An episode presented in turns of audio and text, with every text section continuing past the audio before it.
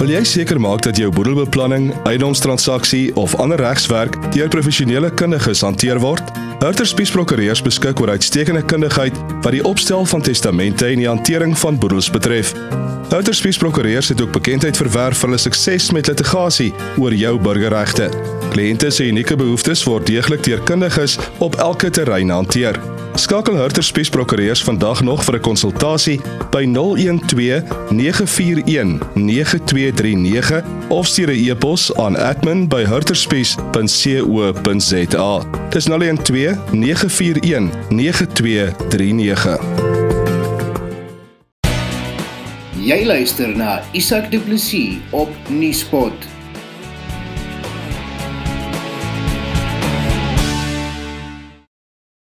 In die tweede deel van ons bydrae oor Cape Exit praat ek met professor Peer De Vos, hy's 'n grondwetkenner en die spot vra vir hom of dit moontlik is dat die Wes-Kaap kan afstyg. Jy kan nie net afstyg nie, dit is ehm um, dit sal 'n hele verandering in die grondwetlike bestel vereis. So dit beteken jy het 2/3 van die nasionale vergadering teen nodig daarvoor. So dit beteken ehm um, oorweldigende meerderheid van die mense in die parlement natuurlik dit dit gaan nie gebeur nie want die meeste mense in Suid-Afrika gaan nie die en die partye gaan nie verastigting dit ondersteun nie. En die die verdere probleem is dat mense sê dat mense 'n referendum kan hou en dat dit dan die hele proses sal begin. maar 'n referendum is eintlik 'n politieke foefie.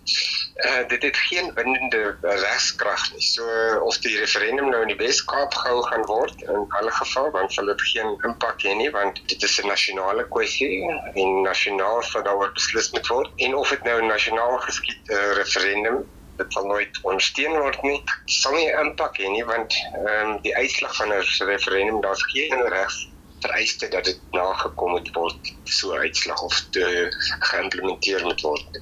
Die voorstanders van so afstigting van die Wes-Kaap sê eh, dit is sodat daar grondwetlike kwessies is wat oorkom moet word, maar maar hulle sê dis goed wat mense sal hanteer as 'n mens op daai punt kom. Die reaksie daarop Ja, wel, dit is 'n demokratiese land. Die mense kan steun vir enigiets.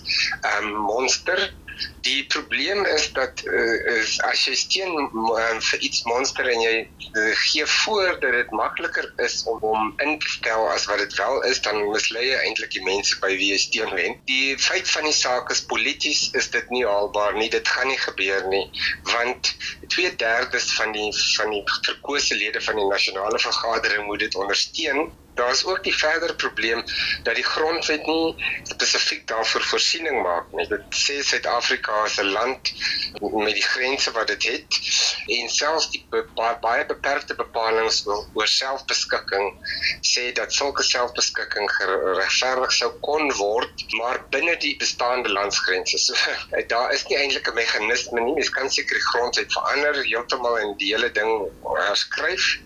Ehm um, ja, maar dit ek dink dit sou gebeur. Die voorstanders maak ook melding van plekke soos Kosovo en so voort om te sê goed, maar mense het daai tyd ook gedink dit gaan onmoontlik wees. Uh maar daar is prosesse wat hulle kan volg.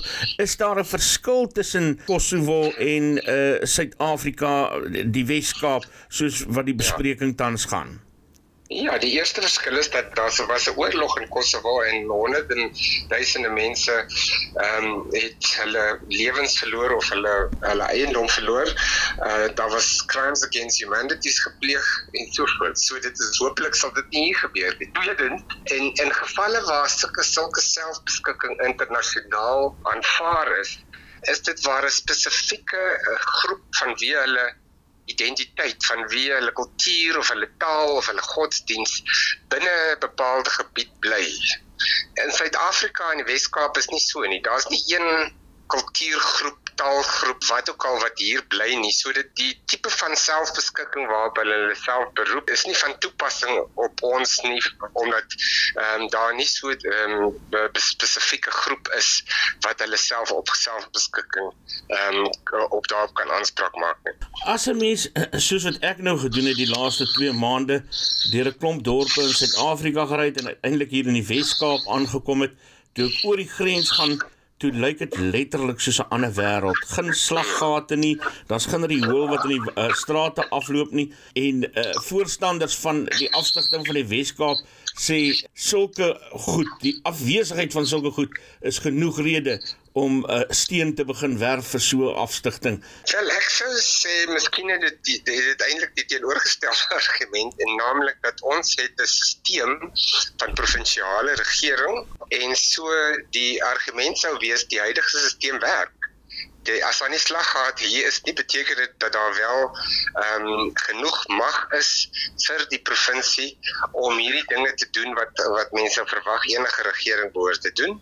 Ehm um, ja, um, en en dit dan de, en daai mag het hulle sonder dat hulle die uitgawes het van byvoorbeeld wat 'n wat 'n onafhanklike land sou moet hê, uh, eie SARS, eie ehm um, by binnelandse sake, buitelandse sake, al uh, eie um, militêre teenwoordigheid ensovoorts.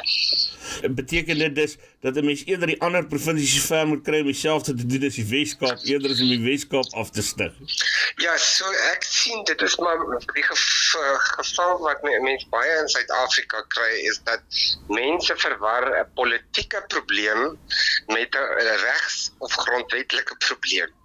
In Suid-Afrika is die probleme polities. Ehm um, en so die politiek as die politiek nie verander nie dan sal dinge nie verander nie. En die rede hoekom party provinsies beter bestuur word as ander is vanweë die politieke dinamika in daai provinsies. Dit het nie niks te doen met uh, die grondwetlike manier waarop die mag grondwetlik gereël word nie.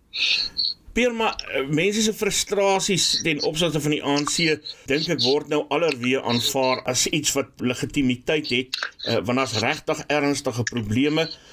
Wat kan 'n mens grondwetlik doen om die regering verantwoordelik te hou vir vir goed wat hulle baie duidelik agterweë laat?